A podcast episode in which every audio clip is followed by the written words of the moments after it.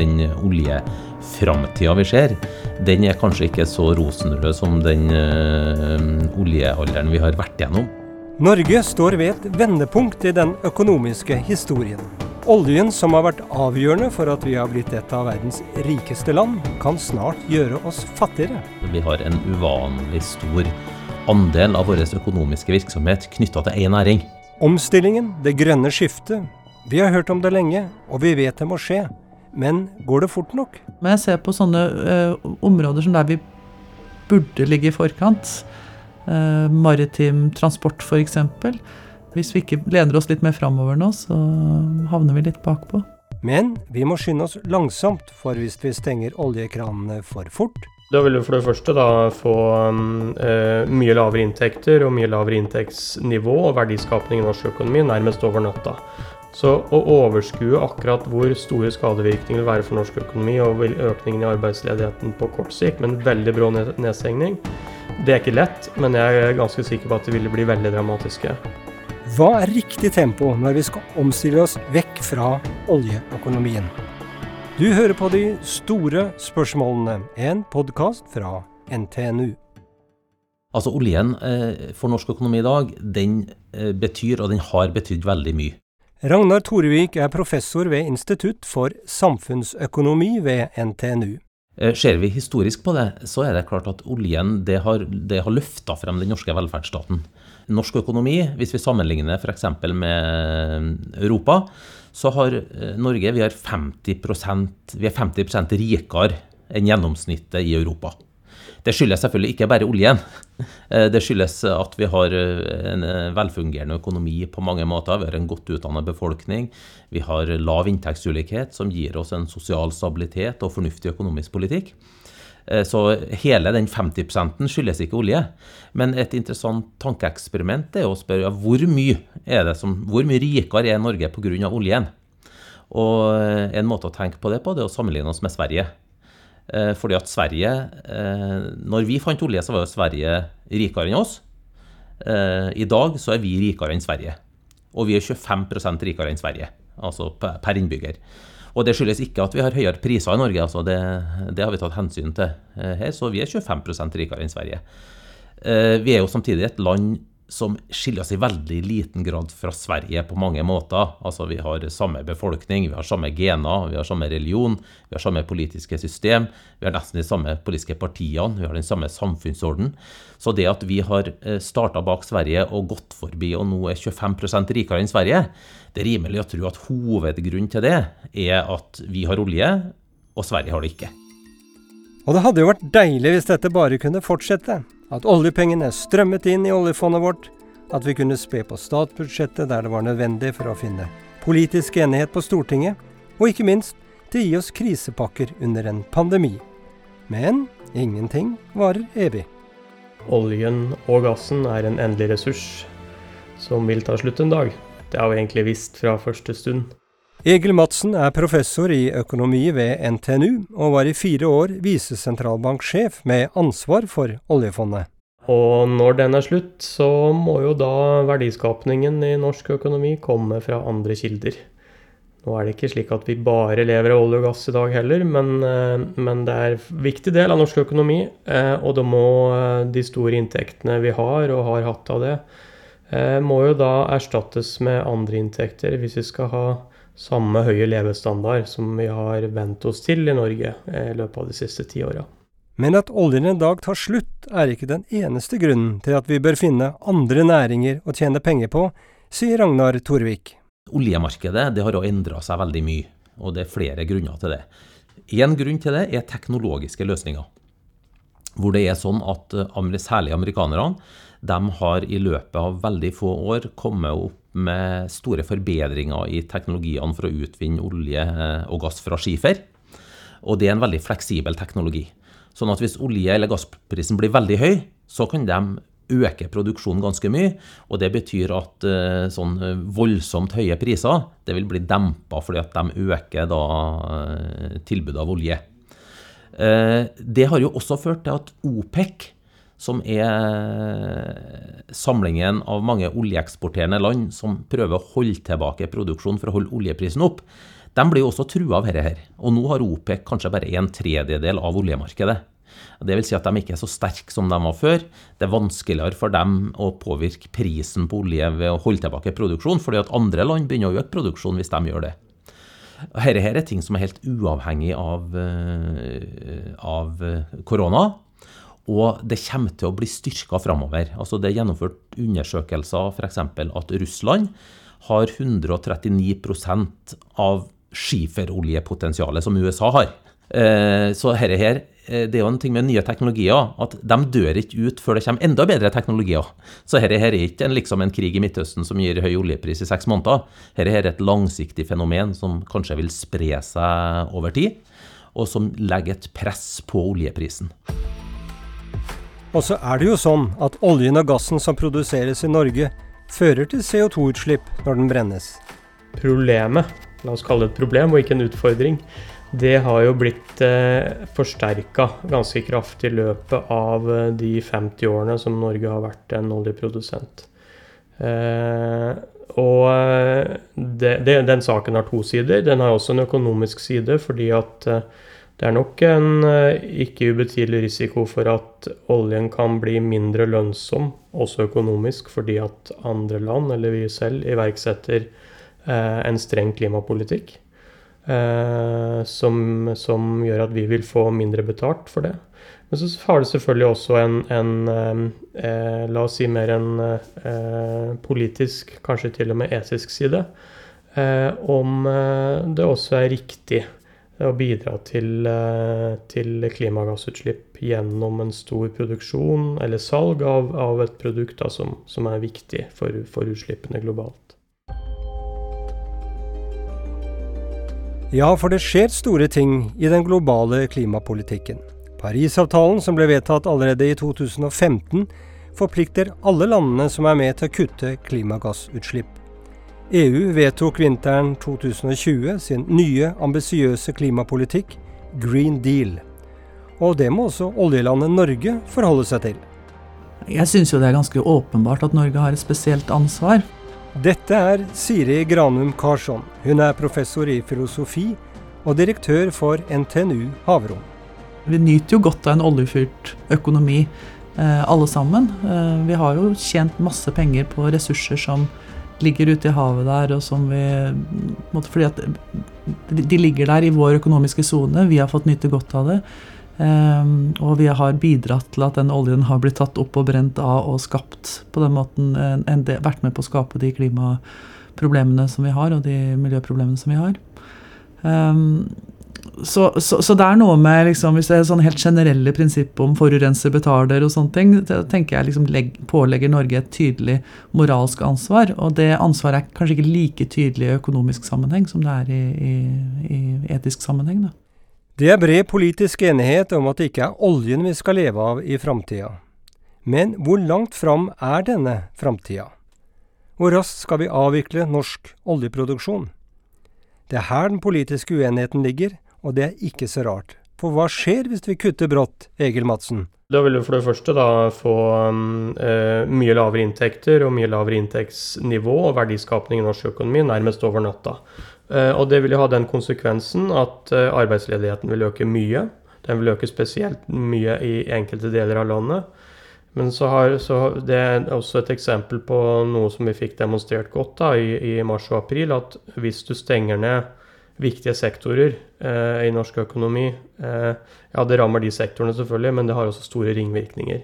Så å overskue akkurat hvor store skadevirkninger vil være for norsk økonomi og økningen i arbeidsledigheten på kort sikt, med en veldig brå nedstengning, det er ikke lett, men jeg er ganske sikker på at det ville bli veldig dramatiske. Og um, på samme måte som andre typer slike brå endringer, eller sjokk, da, som økonomer av og til kaller det, at det også har uh, uoverskuelige politiske konsekvenser også. Så, så, uh, man skal tenke seg veldig godt om for å gjøre dette på veldig fort. Da er det faktisk bedre å si at vi, vi uh, skal ha en politikk hvor vi ikke nødvendigvis bruker veldig mange tiår på det, men bruker noe tid på å få ressurser over i, i eh, andre deler av økonomien, og ikke minst stimulere da, til, til sektorer som ikke er store i norsk økonomi i dag. Det, også fordi at Ja, det har en liten effekt på de globale utslippene hvis Norge kutter sin eh, olje- og gassproduksjon. Sannsynligvis. Men den er ikke stor. Så, så, så økonomer er glad i å veie eh, kostnader opp mot gevinster. Og her er helt sikkert en veldig stor kostnad, og med uklar og iallfall antagelig ganske liten gevinst. Her har vi Norges oljedilemma. Internasjonale forpliktelser og at oljeproduksjon blir mindre lønnsom, gjør at vi må kutte i oljeproduksjonen. Men skjer det for raskt, får økonomien et sjokk, vi får høy arbeidsledighet og nedgangstid. Og med koronakrisa kom et dilemma i dilemma. For pandemien gjorde at en allerede lav oljepris ble enda lavere, forteller Ragnar Torvik. Selvfølgelig så responderte oljeselskapene med å redusere Eh, sin interesse for å foreta oljeinvesteringer fordi at lønnsomheten, eller den forventa lønnsomheten på oljeinvesteringer har gått ned. Men så responderer jo den norske staten med å gjøre det enda mer lønnsomt for selskapene å foreta oljeinvesteringer. Og det er klart det vi står i fare for, det er at det som tidligere har vært en motor og en ting som genererte store inntekter til norsk økonomi, nemlig oljevirksomheten, den kan bli det motsatte. Og de om, eh, eh Eh, den omstillinga som vi må ha, den kan risikere å bli bremsa pga. den økonomiske politikken vi fører nå. For det som har skjedd, er jo det at man har gjort det mer lønnsomt eh, for selskapene å investere, fordi de får skrevet av mer av investeringskostnadene enn de gjorde før.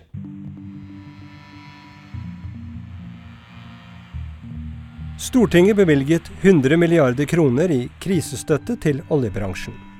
Ragnar Torvik tror ikke måten krisepakkene var innrettet på, var så lur.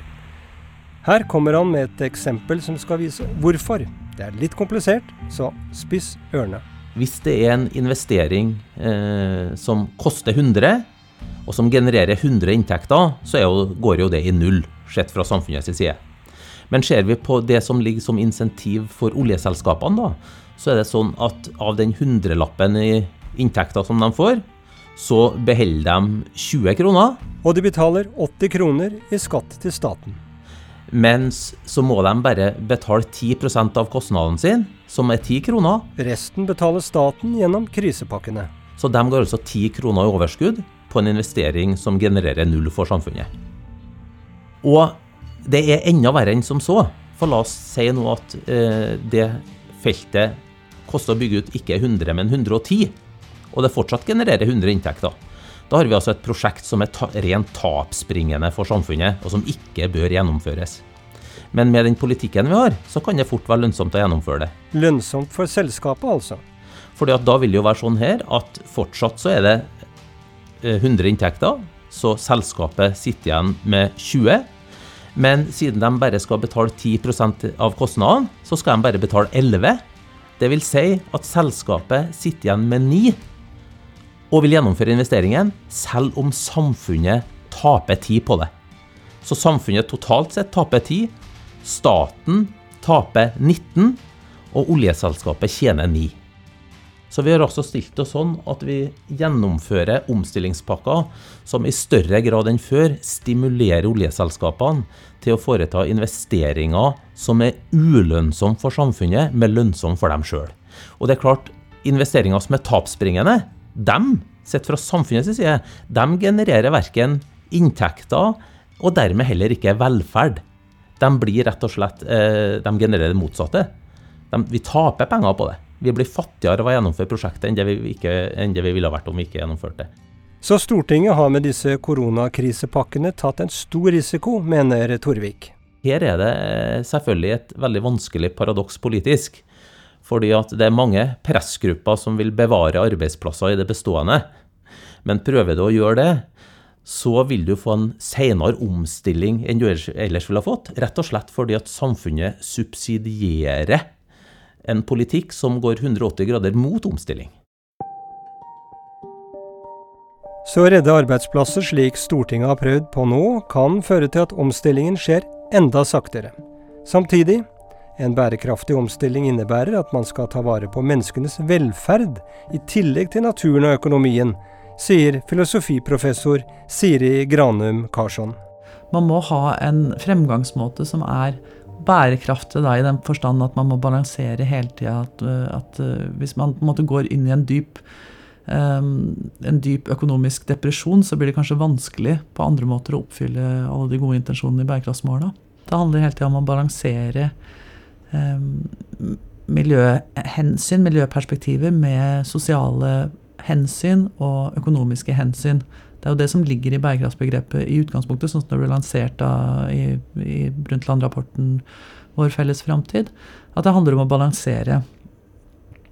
Og så har jo det begrepet blitt utfordra. Man har sagt at ja, man kan skille mellom en svak forståelse eller en sterk forståelse av bærekraft. Det er en svak forståelse handler om at man hele tida kan si at jo, jo, men på den ene siden altså at man bare man balanserer bare det totalt sett er bærekraftig, så kan man tåle at noe er litt mindre økonomisk øh, øh, lønnsomt så lenge det tjener noen sosiale og, og miljømessige perspektiver, og, og omvendt. da.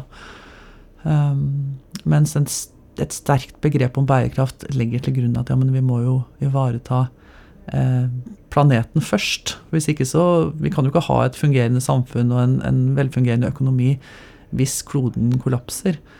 Um, så, at vi er nødt til å legge de mer sånn de, altså noen, Hvis du ser for deg alle den derre rekka med fargerike firkanter som utgjør bærekraftsmåla, så sier man ut fra et sånn sterkt begrep om bærekraft at noen av de er viktigere enn andre på den måten at de må ligge til grunn. Da. De må være liksom basisen. Det er de bærekraftsmåla som handler om å ivareta en, eh, en leveverdig en, le, altså et, et, en, planet som det går an å, å leve på for menneskene.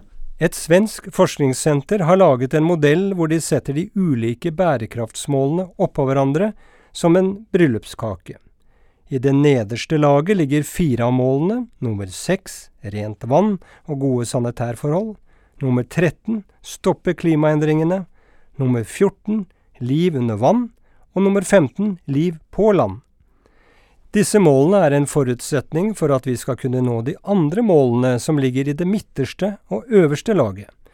Men disse grunnleggende bærekraftsmålene er kanskje litt diffuse og vanskelig å forholde seg til, for oss som stemmer fram politikere i dag. Det er klart at De som er unge i dag, har jo et sterkere Jeg opplever at de ofte har et sterkere eierskap til det her eh, klimaproblemet, som ikke er så rart, for de skal leve oppi den kloden som er eh, forandra til eh, det nesten ugjenkjennelige om noen tiår. Um, så de har en mer, sånn sett, mer direkte motivasjon for å gjøre noe med det. Mens de som tar, i, stor, i stor grad tar beslutningene i dag, de kommer jo til å være døde før resultatet av de beslutningene virkelig trer fram. Eh, og hvis man ser på hvordan befolkninga samla stemmer i dag, så syns jeg man ser tendenser til at yngre velgere i mye større grad vektlegger eh, klimaspørsmål. Eh, og det er jo betenkelig med tanke på hvem det er som skal leve med de, med de endringene som kommer. Det er ikke så lett for politikere som vil få ny tillit ved neste valg, å ta radikale klimagrep som fører til ulemper for velgerne. Økonomiprofessor Ragnar Torvik har en idé om å bruke en modell fra den økonomiske politikken for å løse dette. Dette er jo politisk vanskelig, sant? gitt at det er sånn at oljenæringa har gitt oss en sånn enorm velstand. Så er det, det, det er vanskelig, og tror heller ikke ønskelig, å bare kutte den med en gang. Uh, og det er vel kanskje litt sånn, både i Norge men også andre land, at politikken kan ha en tendens til å bli for kortsiktig. Altså Politikerne er valgt for fire år, men eh, verden varer mye lenger enn det. Og det gjør at det, det er vanskelig politisk å foreta beslutninger som har kortsiktige kostnader med langsiktige gevinster. Da er det litt sånn at man kanskje legger for mye vekt på de kortsiktige kostnadene og for lite på de langsiktige gevinstene. Og det ser vi jo på andre områder Eh, hvor vi har endra Ser vi på det økonomiske området, f.eks., så var det jo tidligere sånn at politikerne bestemte hva renta skulle være. Men så kom de på at det var kanskje ikke så lurt at alle gikk ut og, og konkurrerte om å tilby lavest mulig rente. Politikerne så det, og så sa de ja vel, eh, dette er en beslutning som har langsiktige konsekvenser, så det kan egne seg at vi delegerer den til en sentralbank, sånn at de får ta de beslutningene uten daglig politisk innblanding fra oss. Så eh, det, på andre områder så har det jo vært sånn at politikerne sjøl har sett at ja, det er et problem at politikken blir for kortsiktig. Det må vi prøve å gjøre noe med.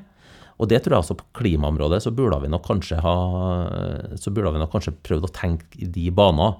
det kan være en del rene fagbeslutninger klimamessig som kanskje burde ha vært delegert fra politikerne til noen uavhengige instanser som kan tenke på den langsiktigheten. En eh, slags sentralbank for eh, klimaspørsmål? Spennende tanke.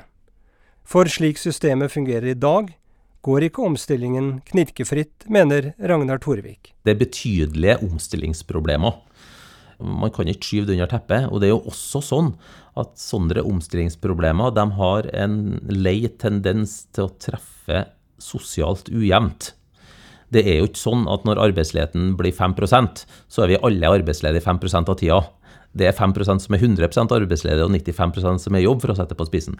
Sånn at, og, og, og det vil jo ramme noen få veldig hardt. Og det har jo vist seg under koronapandemien at det er dem med lav inntekt, det er dem med lav utdanning, de har mye større sannsynlighet for å bli ramma i en sånn situasjon enn, enn folk med høyere inntekt og høyere utdanning. Så det er en sosial dimensjon i dette her også som gjør det ekstra problematisk. Norsk økonomi er et skjæringspunkt, for det, delvis fordi at uh, uh, ja, produksjonen av norsk olje og gass den var på vei ned uh, før korona. Den var på vei ned før egentlig at vi har fått Parisavtalen på plass. Uh, så jeg er enig i at vi er ved et skjæringspunkt. Og så er spørsmålet har vi blitt, er dette uh, enda tydeligere i 2020 enn det var f.eks. i 2018. og det er jeg ikke så sikker på. vi har visst dette lenge, at, at vi er sårbare. Vi har stor eksponering mot olje og gass enda. Og vi har også visst det at det blir forsterka av et, eh, både et eh, økonomisk, eh, økonomiske krefter som drar i retning av mer fornybar energi, men også selvfølgelig en sterk politisk bevegelse som drar i retning av at vi må faktisk klare oss med mindre, mindre fossile energikilder og, og over mot, mot, fornybar energi. da. Siri Granum Karsson, professor i filosofi og direktør for NTNU Havrom, mener vi må skynde oss mer enn vi gjør i dag. Det er også mitt inntrykk at vi dessverre har havna litt på defensiven der. Og det, det, handler kanskje litt om at vi er litt sånn i utkanten av hele på en måte det som Fordi det, det er ganske, det ganske ambisiøse eh, målsetninger som, som, legges fram i tilknytning til det nye rammeverket for forskning og innovasjon i Europa. Og Norge er jo på en måte litt sånn i utkanten av, av det som skjer der, da. Jeg ser på sånne eh, områder som der vi burde ligge i forkant. Eh, maritim transport, f.eks.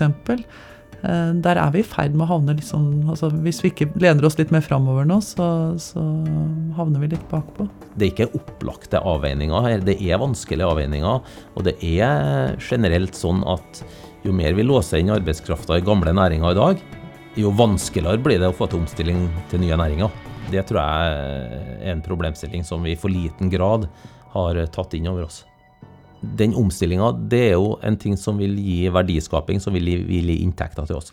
Så det vil rett og slett si at da blir inntektsnivået vårt, velstandsnivået vårt, det blir lavere enn det det ellers ville ha vært, hvis vi ikke klarer å finne nye lønnsomme næringer å leve av. Eh, og jeg tror nok at hvis en skal være realistisk, vi klarer ikke å finne næringer som er så lønnsomme som det oljeindustrien har vært.